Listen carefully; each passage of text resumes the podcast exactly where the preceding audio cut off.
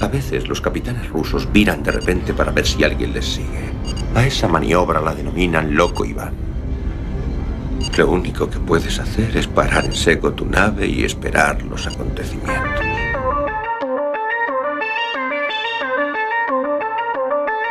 Galaxy 347 of Space Patrol.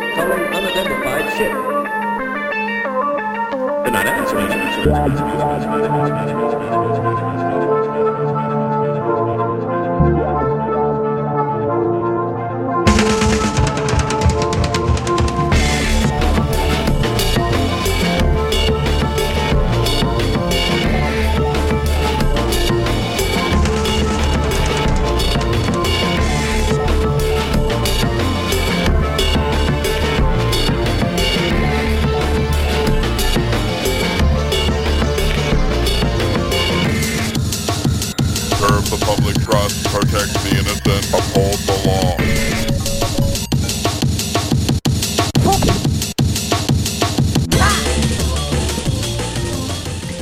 Noite a todos e a todas Prepárense para pasar unha hora repleta de aventuras a bordo do submarino nucelar máis intrépido de toda a Unión Soviética Hoxe falamos de mulleres empoderadas Mulleres como a capitana mulleres que celebran a Semana da Muller en Cuac FM. Falamos de heroínas, de heroínas na vida real e de heroínas tamén na ficción. Eh, heroínas que, sen embargo, moitas veces son acaladas e son minimizadas por auténticos machirulos, pero isto pasa na vida e na ciencia ficción. Stand back from the automated door and wait for the security officer to verify your identity.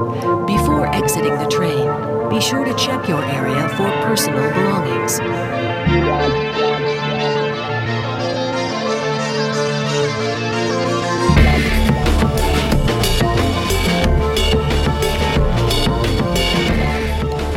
E esta noite falamos de música, de feminismos, vamos a ter a unha xornalista que nos vai contar un pouco como é a perspectiva de xénero ou como non é a perspectiva de xénero nos medios convencionais. Eh, será aquí no submarino loco Iván, non sería posible se non tivera na sala de máquinas ao señor Bugalov. Se non tivera, por suposto, a miña esquerda o xefe de torpedos, o camarada Lamelov Boa noite, camarada. Se non tivera a ese intelectual moderno, encantador, o señor Esmendrellev. Boa noite a todas e a todos. Deixaba o mellor para o final a Tovarish Beoscam. A ver se aprendemos algo de sororiedade hoxe. Bueno, no teu caso, non. E, eh, e por suposto a nosa tripulante especial levaba moito tempo limpando o submarino por fora, estaba casi afogada, pero recuperada con oxígeno A Tovarish Mirova. Ola, que tal? Veño reivindicar a miña equiparación salarial que estou farta de fregar. Bueno, eso a outra ventanilla. Saúda vos a capitana Esbletana Ibarruri, isto é loco Iván, comezamos. Comezamos. They're not answering.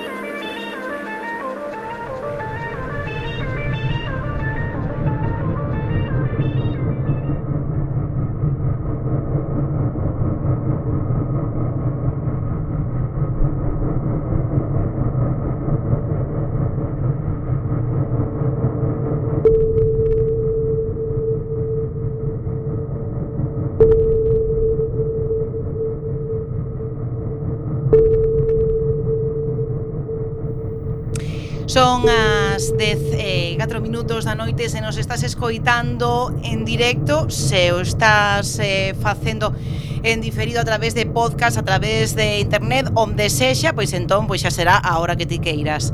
Eh, pero xa sabes que tanto en directo como en diferido te podes poñer en contacto con nós, podes mandar os teus habituais insultos cara ao camarada Esmendrellev, así que por suposto Esmendrellev recorda os teléfonos aos que nos poden chamar ou aos que nos poden escribir. Pois en algún momento queren poñerme podre, poden chamar sen ningún empacho o 881 012 232. 881 012 232. Eh, se o que quixeran é deixar unha amenaza con algún meme, por exemplo, eh, poden facelo a través da canle de Telegram ou de WhatsApp ao número 644 644 737303.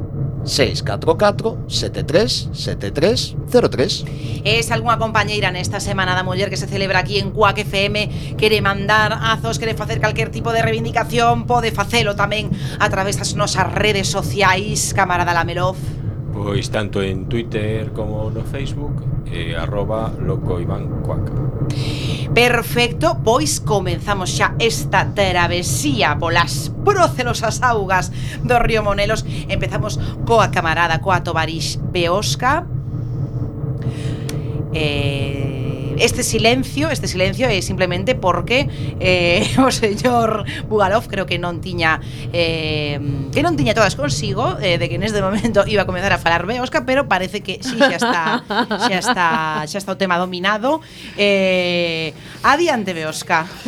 Pois imos eh, comezar falando dunha película de 1980 porque sei canto lle gusta a capitana que fale Ai. de películas moi viejuners. Eh, se 80 temos aí no a, a banda un- sonora. Ah, esta banda sonora mola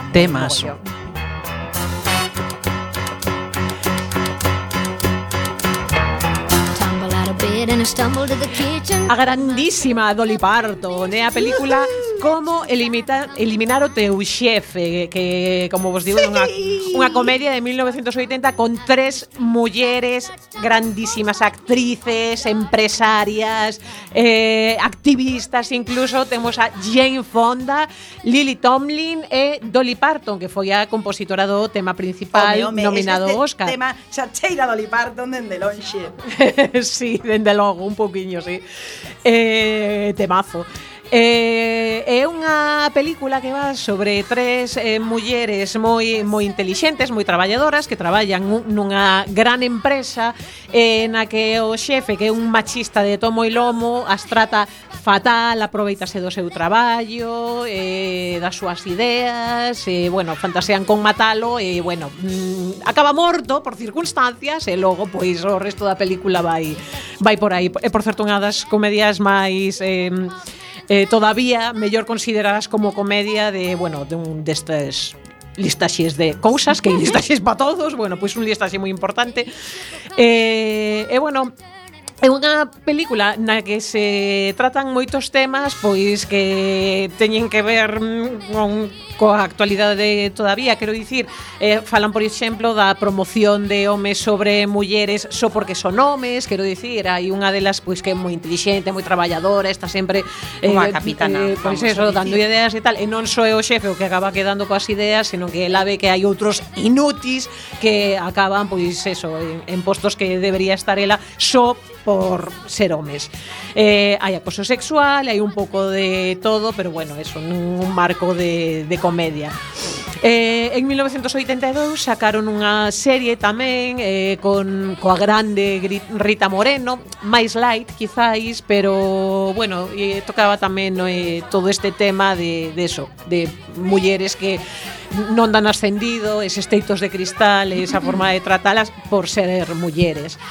Eh, en 2009, por certo, eh, saiu un musical tamén eh, con dirección e cancións de Dolly Parton que aínda hoxe está activo eh, xirando. Home, home, Como non vai xirar Dolly Parton?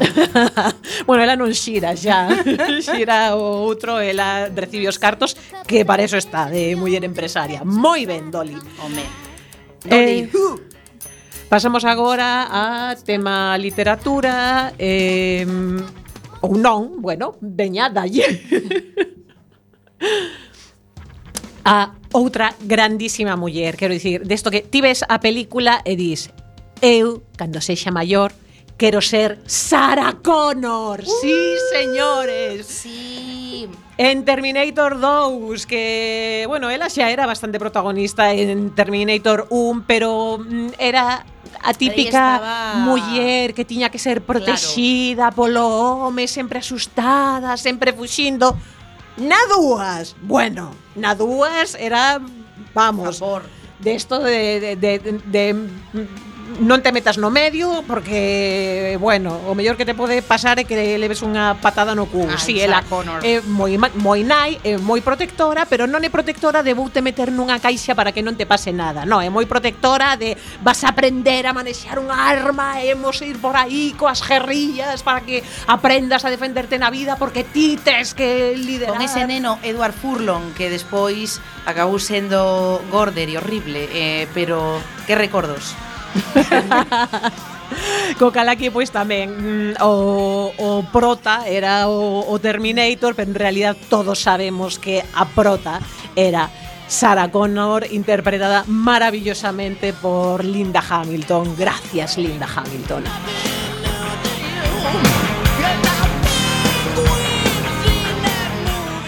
E agora sí que pasamos a un pouquiño de literatura coa triloxía Millennial escrita por Stieg Larsson en 1991. Xa sabedes que empezou co eh, libro este de Os homes que non amaban as mulleres. Creo que das, das poucas sagas das que todos lembramos o nome da triloxía, porque mm, quero dicir, normalmente estas cousas quedan co nome do primeiro libro e aquí no, aquí sí que hai bastante idea de que a saga Millennial é eh, a primeira é eh, os homes que non amaban as mulleres, que como sabedes, pois o protagonista era o periodista Michael Blomkis, Blomkvist.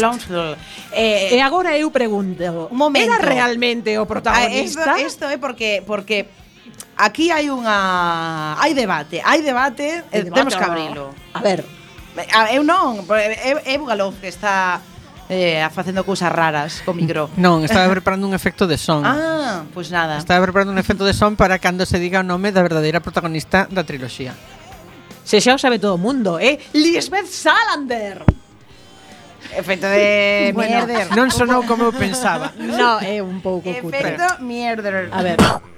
mellor. Lisbeth, Lisbeth merece moitísimo máis, porque efectivamente é a indudable protagonista do primeiro libro e mira que sai bastante pouco, pero mm, eu penso que o, o autor, o Larson, el mesmo se deu conta de que acababa de crear unha desas personaxes que claro. vai pasar os anais da literatura e eh, co resto dos libros eh, ela cada vez ten eh, máis importancia, máis protagonismo e bueno, acaba coméndose ao Mikael Blomkvist con patacas tanto nos libros como como, na, como, como nas nosas memorias. Nas nosas memorias en, en eh, eh, no film totalmente. Quero dicir que a min gustame moito máis Noemi Rapace que, que esta, esta rapaza que fixo o remake estadounidense que non me gust, non me acaba de gustar. Lisbeth Salander eh, fai fai, o sea, entretense machacando a Chuck Norris todos os días tres ou catro veces. Así como non que cousa, sí. Bueno. Eh, pa, despois, non xogan na mesma liga. Estamos na semana da muller, pero ollo con Chuck Norris. Ui, non sei, entre Lisbeth e Chuck eh, eu non apostaba por el, eh, que a Lisbeth bueno, si bueno, a típica bueno, bueno. pequeniña, delgadiña, palidiña, sí, pero outra, non te poñas diante porque como lle cruces, pois vas vas ter un problema. E, eh, e bueno, escribín aquí un pouco por escribir es Hermión Granger, non por Home. nada, senón que xa falamos dela, era un pouco sí, por sí, sí. lembrar que se non fose por Hermión a ver onde chegaban eh, Harry Potter e Morría no primeiro libro, por eh. favor, estaba morto dentro do primeiro libro. Eh, sí, eso non era para empezar. Cousa, xa digo. non é verdad, tamén é verdad eh, eso, el levou o protagonismo pois porque era o neno que sobrevivira e tal, e que se as prediccións, e sí, sí, sí, sí, o que queiras, pero moita predición, moita leche, pero ninguén falaba de Hermión, e se Hermión non chega a estar aí, pois non chegan nin, nin a esquina. Bueno, xa salvar o Pelello pola súa nai. Uh -huh. Tamén Efectivamente. É verdad. Tamén é verdad. Uh -huh. Hai que falar con JK, eh? Hai que falar con... JK Rowling. Eh, que máis? A señora Mirova, veña, que, que nos traes? Eu, pois eu mm. levo, claro, como estaba ali fregando, fregando, fregando, aburrime e veño falar da miña cousa favorita do mundo que é ser señora e máis concretamente ser señora comunista. Entonces veño claro. contarvos porque hai, haberá xente por aí fora que non o sabe todos os beneficios de ser señora comunista e que as señoras comunistas moraban bastante máis que as señoras, pois non sei, do franquismo ou de Eisenhower, bastante máis. Entonces, eh, Vou contar, por exemplo, o que seguramente moita xente non saiba e é que as señoras comunistas foron as primeiras en poder abortar. Hombre. Como, Oye, pois pues está bastante guai, non vai a ser que enchamos o mundo de pequenos comunistas, cousa que por outra parte agora que o penso, pois pues, se cadra, bueno, non sei, vou a darlle unha volta igual aí, igual darlle unha volta a isto, eh? Sí, sí. Non sei eu agora si tal. Despois, as señoras comunistas foron as quintas en poder en ter dereito a voto e en poder ser elixidas elas mesmas como persoas votables. Como os, os outros catro países son países que non eran comunistas, pois digamos que foron as, as primeiras, primeiras de verdade en claro. poder ser señoras votadas e votables. E votantes, vaya. Despois, acabo de descubrir que no meu texto escribí muller soviética con B, pero non pasa bueno, nada. No pasa nada, se porque, me perdona. As, as mulleres levaba moito tempo fregando. Na, na, as, na grafía de Vladivostok. Claro, claro. As claro, mulleres, en realidade, as mulleres soviéticas son como os de Bilbao, escriben, escriben V como, como nos sale das narices. Claro. De no, da Cona, da Cona. Tamén, hai que dicilo, hai que dicilo, esta semana hai que dicilo varias Estupendo. veces. Estupendo, pois entón direi a partir de agora. Despois, as mulleres soviéticas patentaron o divorcio express, que é o que a xente bueno. non sabe. E é que está moi ben para axilizar a xustiza. Desde 1917, a, si as persoas dunha parella presentaban, eh, estaban de acordo mm, en eso de que no, xa non lles interesaba este, no esta movida, más pois divorciábanse no momento e no momento estaban solteiras. Entonces me parece unha maravilla porque isto así, así, dar os servizos judiciais está ben. Que iso dirse a 2025 cunha sentencia. Nada. Despois, A URSS, a nosa maravillosa e ben querida URSS, foi a primeira en establecer a equiparación salarial, que me parece unha cousa que a día de hoxe, pois neste estado tan cativeiro no que nos vivimos, aínda non sucede. Entonces, por favor, vamos a ver, vamos un século a rebufo desta movida. É verdad. E ademais, eu aquí teño para todos e todas vos a que equiparación, equiparación salarial, salarial faz que ti cobras sí. o de todos. Claro, Esa, equiparo salarial Os Todos vos, equi temos no, vos equiparon a pobreza, pero eso tamén é comunismo. Ninguén cobra, entonces é unha claro. equiparación claro. salarial estupenda. Maior. Eh, despois hai unha cousa fantástica e é que o traballo doméstico se consideraba efectivamente traballo e que fregar a merda dos demais, pois pues, tamén ven sendo que oh. ven sendo traballar. Entonces iso tamén estaba remunerado. E despois, que máis cousas? Había unha cousa maravillosa que eran os permisos por maternidade, que ademais de cumplir os 4 meses que están contemplados en este maravilloso estado en el que vivimos en 2020, xa estaban contemplados na URSS dende entón, e tiñan as mulleres un permiso por maternidade 4 meses antes de, eh, mm, de parir. De parir o que ven sendo parir. Entonces está estupendamente porque non tiñes que estar ali doblando o lombo ou o que sexa que te, teñas que facer no teu posto de traballo ata o día que das a luz, como si sucede en este maravilloso lugar en el que vivimos. Despois, que máis? Tiña algunha outra, outra cousa máis? Ah, sí, por certo, xa para rematar.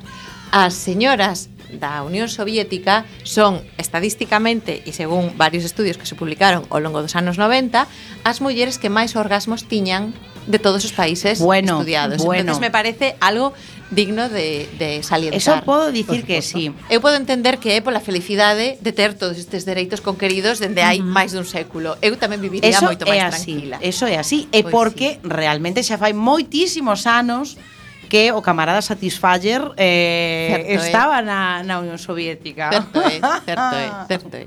Pois iso, que ser señora comunista está bastante ben. Postos a ser señora, pois ser señora comunista.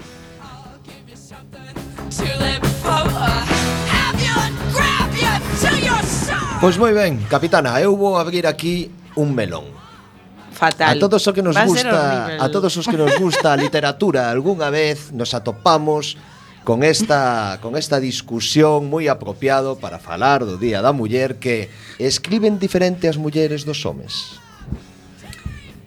Menudo mm. melón, eh? Refíreste a de esquerda a dereita ou de dereita claro. a esquerda ou como te... Se realmente hai unha diferencia Si son señores, señoras soviéticas poden escribir Como lle soviética con B, por exemplo. A, a pregunta eh, é se hai algún fulano capaz de escribir como Jane Austen, por exemplo. Bueno, ah. eso sería unha oh, forma oh, de enfocalo. Que, que, que, que sutileza. Pero, Matou o debate. É que, a ver... É que pois non fíjate, hai, fuches, que non. fuches o final, camarada Bugalov. Eu logo iba a dar a miñas gazóns polas que penso que son merda pura, non? E iba a estar entre elas a boa de Jane Austen e outras cantas na lista, das que logo falaremos. Pero antes iba a dar a opinión de Elvira Lindo, que é ah. escritora, ah. Manolito Gafotas, todos a, todos a coñecemos, É radiofonista. Non? Ay, sí. É radiofonista e deixou escrito. Vou tratar de galeguizalo. As mulleres escriben diferente aos homes. Temos moita conversación doméstica ou persoal. As mulleres síntense cómodas falando do persoal. A diferencia dos homes, se contan máis co contanse máis cousas e teñen moitos problemas en común. Algo interesante que as mulleres mercamos toda a vida libros escritos por homes e nos demos conta de que non era acerca de nós, pero continuamos facendo con gran interés porque é algo así como leer acerca dun país estranxeiro. En cambio, os homes nunca nos devolveron esa cortesía. Pois esta é a opinión de Elvira Lindo E tamén hai moita xente por aí que dunha forma menos razonable opina que as mulleres escriben diferente ou mesmo que non queren ler libros escritos por mulleres. O sea, é algo tristemente moi común, non? Que seguramente temos oído, temos oído moitas veces. E de feito, houve uns señores israelís, para máis señas, que se tomaron a molestia de tratar de facer un algoritmo matemático informatizado no que meteron 500 obras de novela en inglés para ver se o trebello era capaz de discriminar As se as obras eran por homes e por mulleres. E por mulleres. E tiveron un acerto de máis ou menos un 80%, non? Mm -hmm. E a cuestión que, por exemplo, deixaron dentro dos egos estuvo unha novela que a mí eh, gustame moito, o que queda do día, Seguro que a mm. película coñecedes, non? Sí. Está basada mm, mm. nunha, nunha novela de Kazuo Ishiguro eh, Espero telo pronunciado ben o nome deste pobre hombre de, de ascendencia xaponesa, non? É protagonizada por Anthony Hopkins Este tipo é un escritor moi peculiar Porque mesmo che escribe algo costumbrista Como é como esa bonita historia Que che escribe eh, Nunca me abandones Que é unha noveliña na que logo está basada A Illa, unha película de Leonardo DiCaprio que así como sí, medio sí. futurista, onde está todo sí. Cristo secuestrado e tal. É mellor a novela que a película, eh? Entón, que vamos, sí, que acerta pero pouco. Eh, que gustaríame saber como ese algoritmo, non? Porque se realmente se poidera distinguir entre os homes e as mulleres a hora de escribir, quedaría o misterio que menciona o camarada Bugalov, non? Pero a, a, acerta un 80%. 80% é, sí. e iso é pouco. Un acerto bastante... A pregunta é esta. Se realmente acertan o 80% sen porque moitas veces serán obras que imagino que serán de toda a vida da literatura inglesa. Esa é a miña explicación.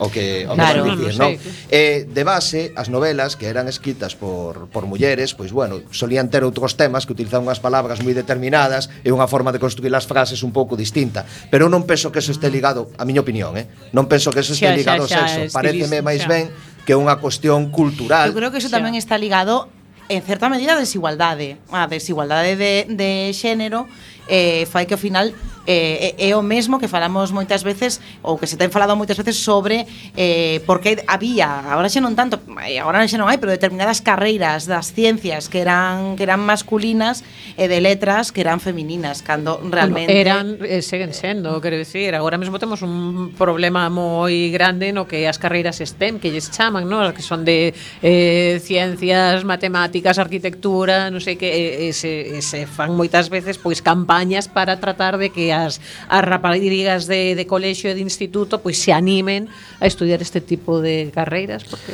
é curioso hai moi pouca muller. como oscila eso eu penso que claro que ten que ser cultural por exemplo nas que son biotecnolóxicas hai moitísimas máis mulleres que homes uh -huh. cando eu estudiei había dúas motas por cada mozo onde eu estudiaba bueno, en ali, biología ali non? En...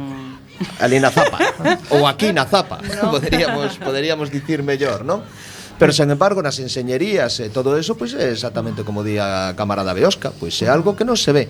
De todas formas, se fora algo de xénero, ou escribir diferente homes e mulleres, habería que explicar como houbo tantas mulleres que que mataron por facerse pasar por homes, tendo un éxito extremadamente sí. notable, pois sendo mulleres, non? É que eu tanto... penso que as, as mulleres teñen maior capacidade se queren para escribir como os homes que os homes para escribir como mulleres. Eu penso que un home intentando escribir como Jane Austen así a pasar canutas. Pero, bueno, pero canutas, eh? Que hai esa diferencia, se consideras eh? que, que poden, digamos, disimular o escritura do outro E por que consideras que hai unha diferencia entre no, Eu penso porque hai unha desigualdade, é como mm. é como os brancos escribindo novelas de eh, historias sobre a sobre a sobre a escravitude e, e, e persoas negras escribindo sobre escravitude ou migrantes escribindo sobre a migración e eh, non migrantes escribindo sobre a migración. Eu creo que é unha cuestión... Unha cousa é comprender algo e outra cousa é vivenciar algo. Claro, eu creo que ten que ver iso con estar empapado desa realidade, o sea, xa eh, ti cando ti como muller do século XIX tes unhas vivencias e aparte eh, observas, experimentas as vivencias, digo, muller do século XIX por saírme completamente do, da miña cotidianeidade. Pero vives e experimentas... do 17, eh, máis ou menos. Son, porque eu son, por suposto, unha, unha damisela do século XII, sabes, todo o mundo sabe. Total. O meu é, vamos, el medievo. Eh, Xa perdín o fío, me cachis en a mano. Bueno. Xa non sei que dicir. Bueno, pois pues xa nada. ves. Ala. Na, pois pues eso, que hai unha lista moi longa, non? A parte da, da excelentísima Jane Austen, están as irmás Bronte, que tiveron que facer o mismo. Está Karen Blixen, autora de Memorias de África, que tivo que escribilo como, como home tamén. Eh, hai moitísimas, non, pero vou dar xa salto directamente o nome máis máis novo de todos que J.K. Rowling. Estaba pensando que falamos nela, antes dela, Rowling. que cando a ela publicaron como J.K. Rowling era para pues, non poñelo nome femenino porque hai moito macholo que se o escribe unha señora pois xa non o quere xa non o quere ler. O sea que non estamos falando tampouco dunha cousa do dunha cousa do pasado, non? Senón que tristemente pois pois esa presión sigue existindo. Eh, inda que é certo que todo o mundo pode un momento dado pois caer no, no ego de, de sugar e dunha forma equívoca este tipo de cousas A min todo este collo de que as mulleres homes que diferente por natureza Parece unha merda pinchada un pau, a miña opinión Que non ten por que ser nin a mellor, nin a máis cogenta Home, claro Eh, eh camarada Lamelov, xefe de torpedos, que nos conta? Pois, a ver, bueno, primeiro quería lembrar que o Día da Muller Traballadora, que non se esqueza de traballadora, xa que foi unha comunista, que foi Clara Zetkin, a primeira muller que propuso 8 de marzo como Día Internacional da Muller Traballadora, unha proposta que foi apoiada mayoritariamente por la Segunda Conferencia Internacional de Mulleres Socialistas. Eso foi na orixe. Pero bueno, máis aló de... Sí, foi así, foi unha convención de, de mulleres socialistas. O que pasa é que se traballadora foise perdendo porque, claro, ten unhas connotacións socialistas, que agora non se quere lembrar iso. Pero bueno, máis alao de, de dar un pouco a chapa. Xa non hai socialismo. Ben, vamos. máis la de la chapa diso, eh, quería falar un pouco de eso de mulleres que de mulleres que se atar, que se afastan dos tópicos do cine e dos videoxogos. Eh, concretamente, empezamos por un.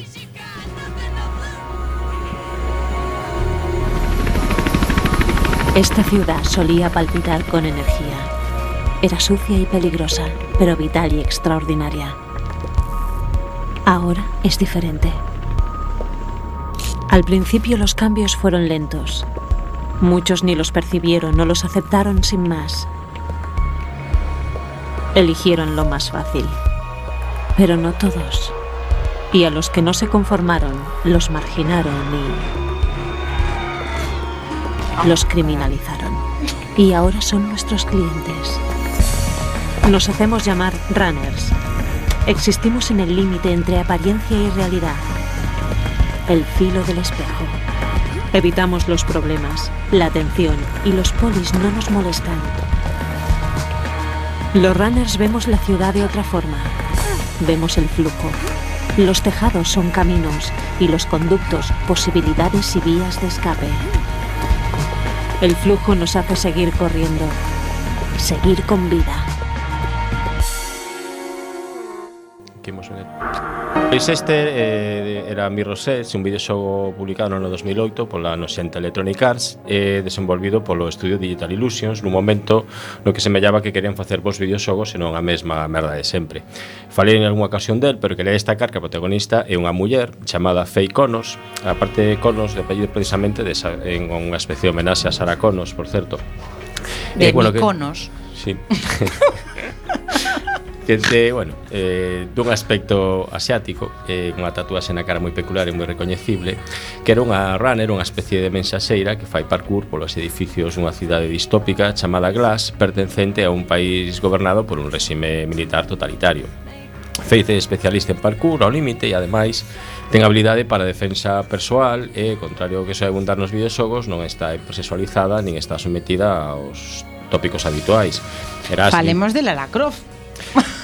pero que non, porque esta Lara Croft sí que estaba sexualizada. Claro, xamais se viu tal cousa. Aparte que, bueno, tivo a súa importancia Lara Croft, porque no, nese sí. momento, xusto porque... É verdad, todo non se podía facer Mirros, un día. Mirros S 2008 e Lara Croft pues, de mediados dos 90, e bueno, foi impactante tamén con unha personaxe femenina de heroína, de acción e tal, e, bueno, pero bastante sí que estaba hipersexualizada. Fei, no, fei, fei, non, é unha tipa normal, vestida en chala porque vai facendo parkour, e bueno, aparte pode repartir hostias como panes, porque sabe artes marciais, aparte de ser moi rápida. Por un momento pensei que ias dicir que era de Globio ou algo desto. É eh, a Gina Carano dos videoxogos. Pois é uh, algo así, dicir, está moi non é como Globo de libro isto, pero casi, casi porque teñen que estar sometidas a unha, bueno, pues un, un traballo en unhas condicións de, de máxima perigosidade e pouca, bueno, pouco remunerado, non? A parte da policía as perseguía porque non lles molaba que enviara mensaxes entre diferentes, bueno, partes da da cidade.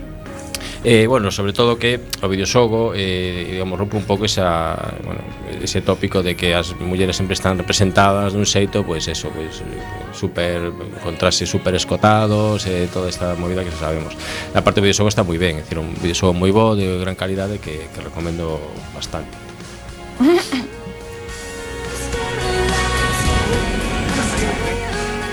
Sí, aquí estoy.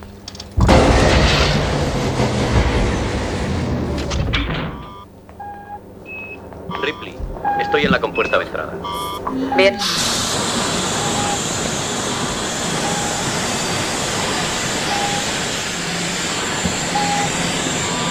¿Estás ahí, Ripley? Te escucho. Estamos desinfectados, déjanos entrar. ¿Qué le ha pasado a Kate? Se le ha herido algo, tenemos que llevarlo inmediatamente a la enfermería. ¿Qué es exactamente? Defínemelo. Es un organismo, abre la compuerta. Espera un momento. Si dejamos entrar eso, podría contaminarse la nave. Ya conoces las normas. 24 horas de descontaminación. Podría morirse, abre la compuerta. Si no observamos la cuarentena, podemos morir todos. ¿Quieres abrir esa maldita compuerta? Tenemos que entrarlo ahí enseguida. No. No puedo hacerlo. Y si estuvieseis en mi lugar, haríais lo mismo. Ripley, es una orden, abre la compuerta inmediatamente, ¿me oyes? Sí. He dicho que es una orden, ¿me has entendido? Sí. Te entiendo, pero sigo diciendo que no. Con puerta abierta.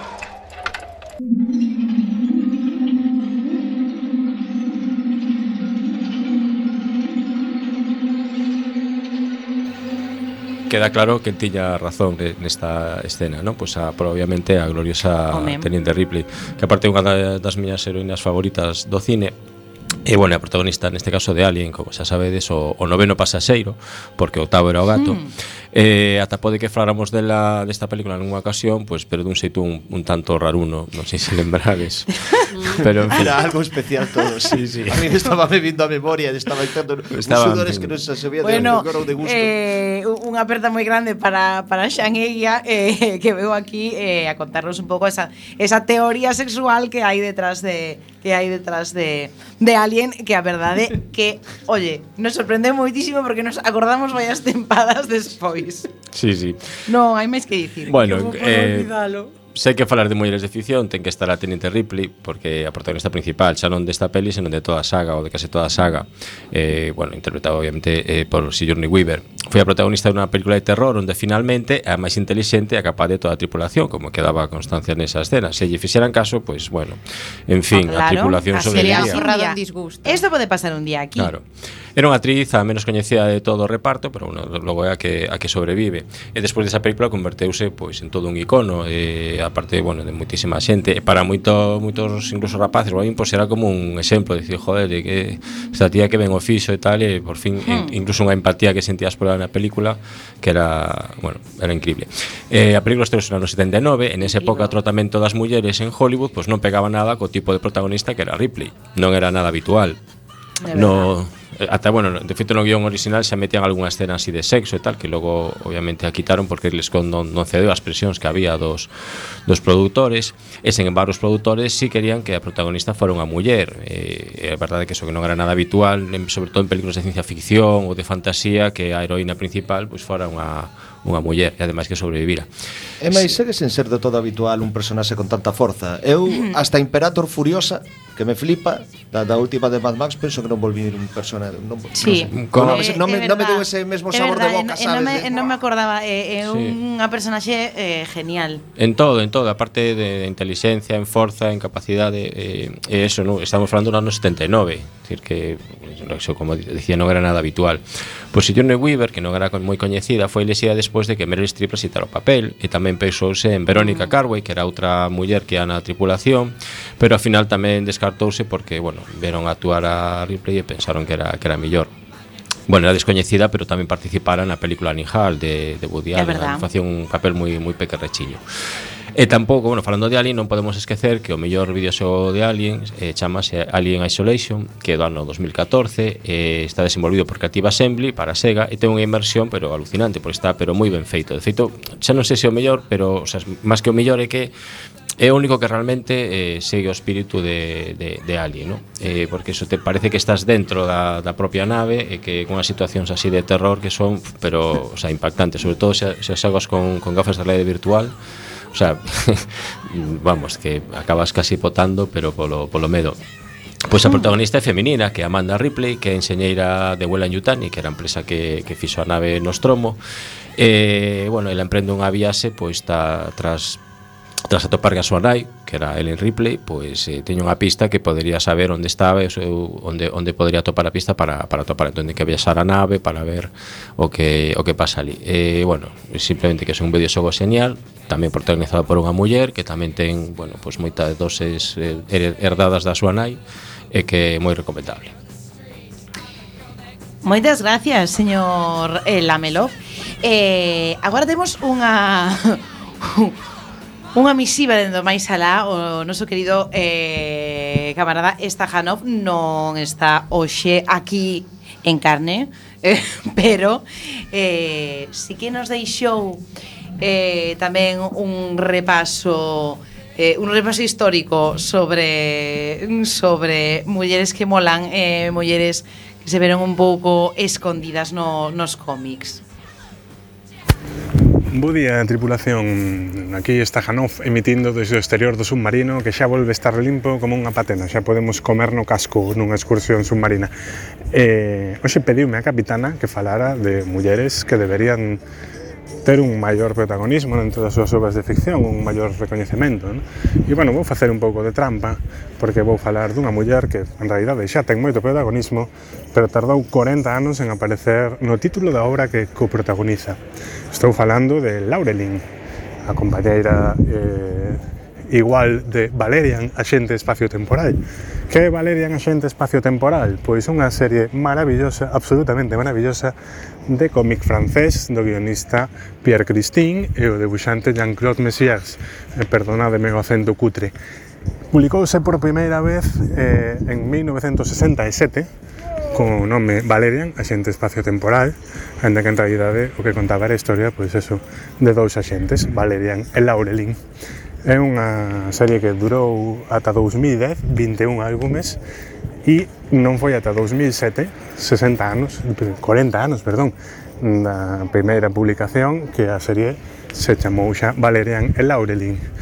Pode que vos soe, porque Luc Besson fixe unha película en uns anos eh, no que Laurelin eh, Cara de Levin eh, olvidade vos a peli, bueno, me se deixa ver, pero non está a altura do cómic, nin a peli en xeral, nin o personaxe de Laurelin.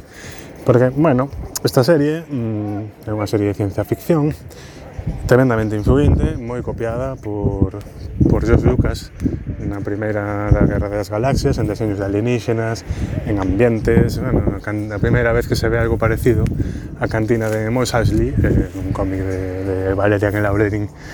eh, ten unha serie que ademais está moi ben traída porque ten un gran eh, enfoque comunista nos seus álbumes porque non, nin Valeria nin Laura Dean son heróis de ciencia ficción ao uso son xente que, bueno, mm, ten un, un traballo quasi policial o comezo da serie, despois as cousas van cambiando Eh, pero mm, teñen que mm, pensar moi ben as consecuencias das súas accións. É unha serie que fala pois do esclavismo, do tráfico de armas, do prezo do traballo. Hai un álbum en concreto, Los pájaros del amo, que é unha fábula sobre a plusvalía e como a, a alienación nos leva a veces a defender a quen nos explota.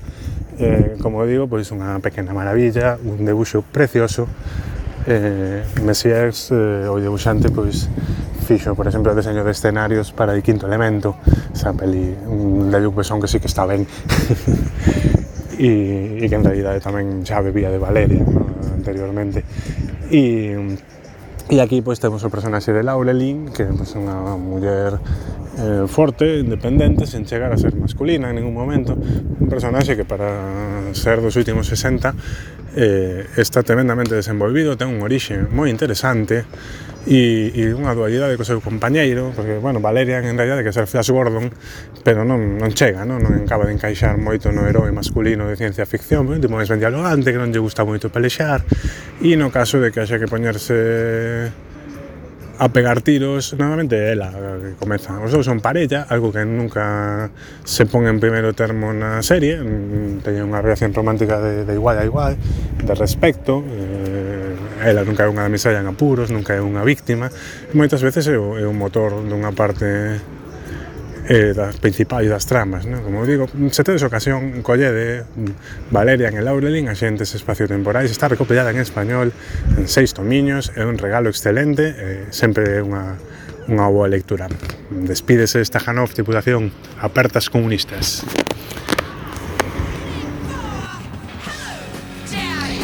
Pois pues moitas gracias esta Janov. Ali onde, ali onde te atopes, que, que non o sabemos eh...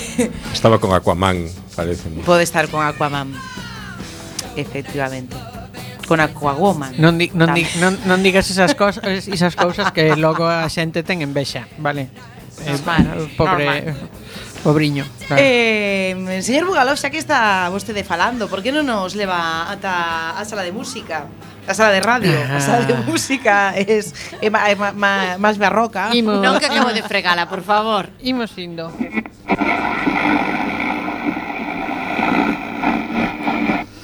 Pois hoxe sí que ven un poquiño máis clásica do, do habitual a... Uh, pois xa non sei a, a, a, a onde nos podemos retrotraer. Por Pablo eh, Abraira. Eh, Pablo Abraira. non sei por que está entrando aquí unha musiquiña. No, horror. No. Un respeto a Terra Santa. É Terra Santa. Ah, quedou, quedou do outro día, Ay, quedou outro día. Sabes que gañaba que puseras este bucano. Pensendo, pensendo isto que vos quería poñer. Oxe, vou vos falar de, de mulleres no mundo da música e dun sector da música particularmente eh, masculinizado, que é música clásica. Ah. Entón, imos falar de mulleres eh, fallecidas, vale? Bueno, bueno vale, por Porque senón non é tan clásica, aínda claro. que a última do século XX, pero bueno. Bueno, eh, pero Isto que escoitades é obra de Francesca uh, Caccini, que seguro que escoitades falar dela todos os días. Sí, mm. sí. Caccini con Caccini. Pois pues que viña sendo algo así como a, a, a mestra de música de, de cámara da corte de eh, Cristina de Medici. Ai, ah, vale? Eh, naceu no 1587 e morreu no 1640, era a, a, filla de, de pai compositor e de nai eh, cantante, e fixo unha carreira estupenda da que ninguén sabe nada porque non hai xeito. E dicir que toda esta documentación a quitei de, de un libro que se chama Armonías e suaves contos as mulleres esquecidas da música dunha autora que se chama Anne Beer, con dúas es, vale? Eh, vale, isto, isto xa era no 1587, vale? Que foi cando naceu esta, esta, esta señora. En 1619, seguimos en Italia, pois estaba de supermoda Bárbara Strozzi, en Venecia. Vale? Que a señora que compuxo isto. Bárbara Strozzi se chama Amor Dormiglione. Ai, ah, que eh, bonito. Que bonito. Logo posteriormente a súa descendente Bárbara Streisand. eh, logo, xa nos marchamos uns anos para adiante a, a corte de Luis XIV e con cinco anos xa na corte de Luis XIV debutaba eh, Elizabeth Jaquet de la Guerra Guerre, guerre, é que, ah. que o francés así. Experta en clavecín Oh, bueno, Moito bueno. me gusta. En compañer para clavecín. Da que tampouco se sabe gran cousa, porque non vos soan, non todas estas. Pois pues non. Claro, é o que ten.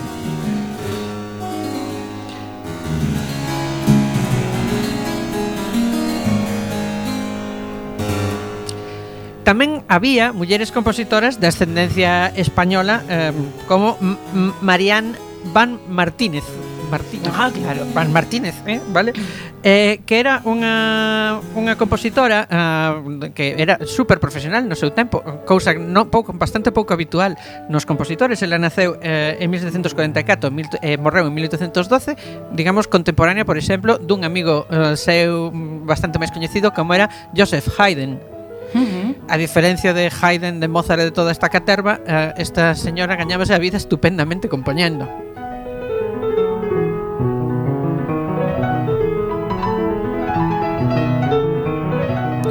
E, agora saímos á fase de mulleres descritas por as súas relacións familiares. Vale? Porque alguén sabe quen é Fanny Hensel? Fanny Hensel. Ni Flowers, ¿verdad? Pero se digo Irma de Gretel, pero, Pero se digo Fanny Mendelssohn. Ah, Ah, claro. Ah, a sí queda cousa- moito máis claro. Eso xa, xa, sí. Pois efectivamente, a irmá de Mendelssohn que cando eran nenos todo o mundo dicía que era bastante mellor que Mendelssohn, non? eh, pois que tampouco, vale? E pasamos de irmáns a, a cónyuges, cónyuges, perdón. Cónxuxes. Cónxuxes, se me xuntou aí o tema. É o caso de Clara Wieck, de solteira, logo oh, Clara Schumann. Xa unha compositora romántica, piano, eh? que era unha magnífica concertista de piano e polo que foi coñecida no seu tempo é unha estupenda compositora tamén o que pasa que eh, ao seu marido non lle facía moita moita gracia bueno, non é que non lle fixera gracia é que non lle tiña moita fe porque claro, como era unha muller non ah. podía acompañar ben Sin embargo, sí que podía tocar ben. As súas, sei que as súas xiras de piano eran lendarias. E aquí imos a, a, a persoa que a min xa me, me pareceu super espectacular no século XIX, que era Lili Boulanger. Ajá.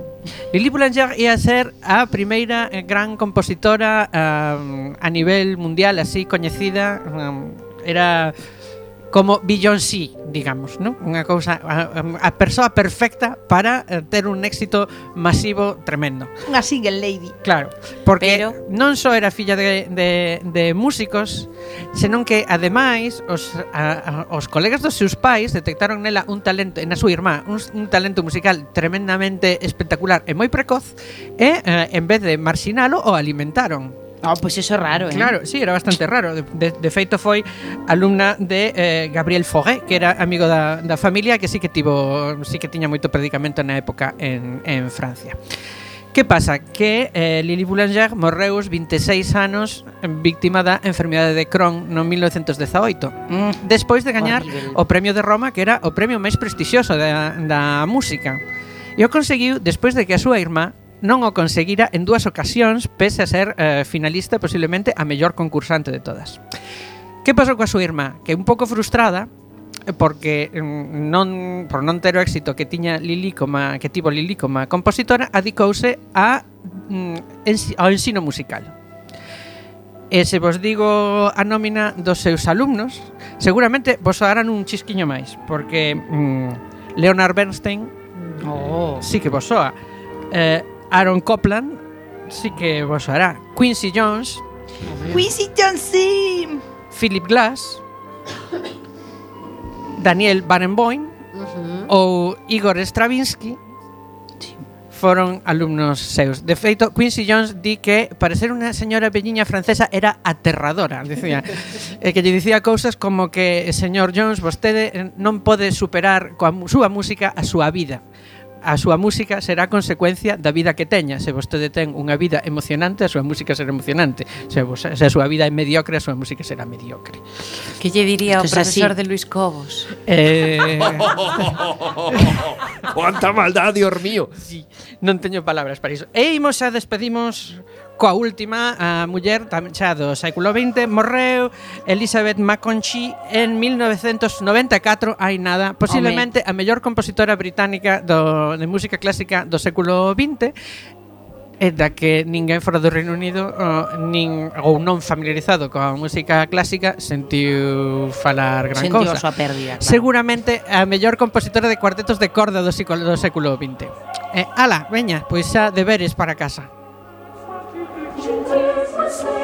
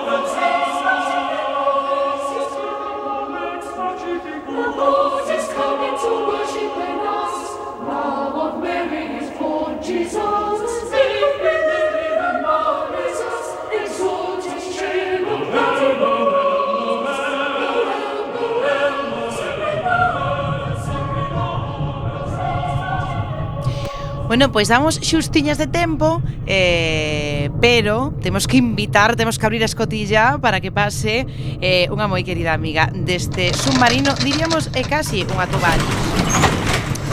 É Eliana Martín, xornalista responsable eh, de prensa do Colexio de Psicología de Galicia, membro de Xornalistas Galegas. Moi boa noite. Ola, buenas noites. Tamén é vostede, creo, que nai de dragón se rompedora de cadeas. Eh, a, a ratos libres. A ratos libres, por suposto, como calquera muller. Eh, como xornalista, hoxe, ademais, eh, que fai pouquiño estivo vostede nunha, nunha mesa redonda en Lugo falando de feminismos, falando de feminismos nos medios, eh, trouxémola aquí o submarino para falar desto. E hoxe quería empezar, mm, non o mellor con, con eh, coa pregunta que, que nos facemos sempre do tratamento que teñen os medios, das mulleres. Non, eu quería empezar, eh, quería empezar porque falei antes con vostedes, senón non se me ocurriría. Polas, san, polas sancións de xénero eh, nos medios de comunicación. Que é iso? Pois realmente é unha ferramenta moi eficaz que ten o, pois a sociedade esta sociedade patriarcal na que vivimos de manter os marcos onde teñen que estar, non? que hai o para que cumpramos cos nosos estereotipos o que nos toca como mulleres, pois eh, enseguida, no momento en que nos saímos un pouco do, do deses mandatos, eh, se pon de manifesto. Entón, enseguida aparece eh, pois o noso peso, o noso corpo, a nosa roupa, Eh, é moi habitual, por exemplo, os titulares sobre se levaba tal famosa, levaba o dictador ou non o levaba, ou se non levaba faixa ou non a levaba, se engordou, se adelgazou, se despois de parir sigue gorda, si... Entón, todas esas cuestións, ou, ou se nos atrevemos a sair de copas eh, tendo, deixando os nenos e as nenas na casa, todas esas cuestións da, da mala muller, da mala eh, esposa, da mala nai, de todos esos mandatos eh, de xénero que temos que cumplir, pois enseguida se nos sanciona eh, nos medios de comunicación esa, esas sancións de xénero que, que chamaba a, que chama, a, bueno, a profesora de, de Ciencias da Comunicación de, de Barcelona, Juana Gallego, porque se nos sanciona. Cando nos saímos do que nos mandan os nosos roles de xénero, rapidamente nos chaman de volta o, o redil.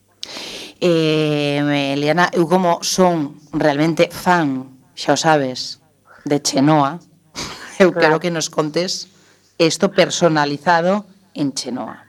Claro, que eh, antes comentaba che cando falamos, efectivamente. Chenoa foi eh, recientemente al hormiguero e o titular o día seguinte era Chenoa aparece sin sujetador e agora tamén sin bragas, non? Porque o vestido pois deixa, era un vestido que, que era imposible que levase roupa interior debaixo. E ese era o titular, non? A mí realmente, pois de, de, que de todo o que faga se destaque, se levaba bragas e se dio, non as levaba, pois é unha pena. É unha pena. É unha pena, inda que, oye, vamos, é chamativo ás veces ir sen bragas, pero É incómodo máis que pero, chamativo, pero vaya. Bueno, sí. la cada unha, eh. Pero, a favor, a favor. Eh, Eliana, eh, eh tiñamos que tocar a Chenoa porque eu xa sabes a miña chenoísta. a miña debilidade totalmente. Eu son chenoísta eh eh, efectivamente, Chenoa, que foi tan maltratada ademais, eh, realmente nos, nos medios de comunicación, realmente aí había moito, moito machismo, poñendo a Chenoa como, como unha persoa, como unha víctima, non do, do, do, do desamor, non. As, as mulleres soas, eh, que ao final é, é o, o rollo este do, dos mitos do amor romántico, que nos que nos machacan con eles, non? E, e cando non estamos cando non temos parella estamos soas, temos que refacer a nosa vida porque se supón que a temos desfeita e, e aí estamos seguido co tema este dos mandatos, volvemos os mandatos de xénero, non? Tes que buscar unha parella, cando tes parella tes que casar, tes que ter fillos, tes que...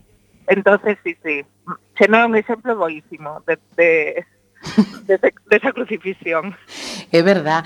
Eh, Eliana, aparte aparte deste tema de sancións de xénero que, que para min eh, non, non o coñecía, non ese, esa, esa denominación, eh, pareceme realmente interesante, eh, tamén te quería preguntar eh, por eh, as, as, a, a, as propias relacións realmente eh, tanto galegas como, como españolas, eh, quero dicir, a porcentaxe eh, tamén os, os, a porcentaxe de mulleres directivas en medios de comunicación é todavía eh, ínfima É ínfima, é ínfima. Estamos falando, pois eso, en Galicia ahora mismo hai unha muller directora dun xornal eh, únicamente en radio pois eu creo que anda unha proporción pois de 80 directivos me parece que hai como 14 mulleres en televisión estamos nunha situación semellante en cambio cando vais as plantillas pois a, a a proporción invírtese, non? Estamos falando de que pois prácticamente dúas de cada tres persoas que hai nunha redacción traballando son mulleres. De todos modos, os datos cuantitativos son eh, moi importantes, é, moi importante que haxa mulleres directivas e que, e que, que teñamos poder, pero tamén é moi importante que haxa mulleres feministas, porque senón realmente ao final tampouco estás eh, favorecendo ningún cambio, porque eh, temos esas, esas plantillas de medios con mogollón de mulleres traballando e en cambio siguen reproducindo estes discursos eh, que, que vimos heredados, é dicir, tampouco unha crítica de que agora se estea facendo nada extraordinariamente mal, non? É algo que se veu facendo de toda a vida, se aprendimos, entramos a traballar na redacción, se entramos con pais estos, estos mismos criterios reproducindo o que aprendemos. Que pasa? Pois pues que necesitamos formación, como, como en todos os outros ámbitos, non? Para sacarnos todo isto que levamos aí incorporado eh, no noso ADN prácticamente, porque se si nacemos un machismo, nacemos e hai que, hai que sacalo e educarnos de outra forma, non? E abrir, introducir unha, unha perspectiva de género eh, feminista. Entón, é super importante que, que as persoas eh, que teñen a responsabilidade nos medios de comunicación sexan eh, persoas cunha formación feminista.